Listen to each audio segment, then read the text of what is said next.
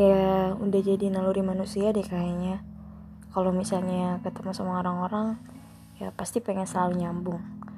Nyambung ngobrolnya nyambung pemikirannya nyambung juga rasanya. Ini namanya chemistry. Chemistry yang tahu-tahu baper.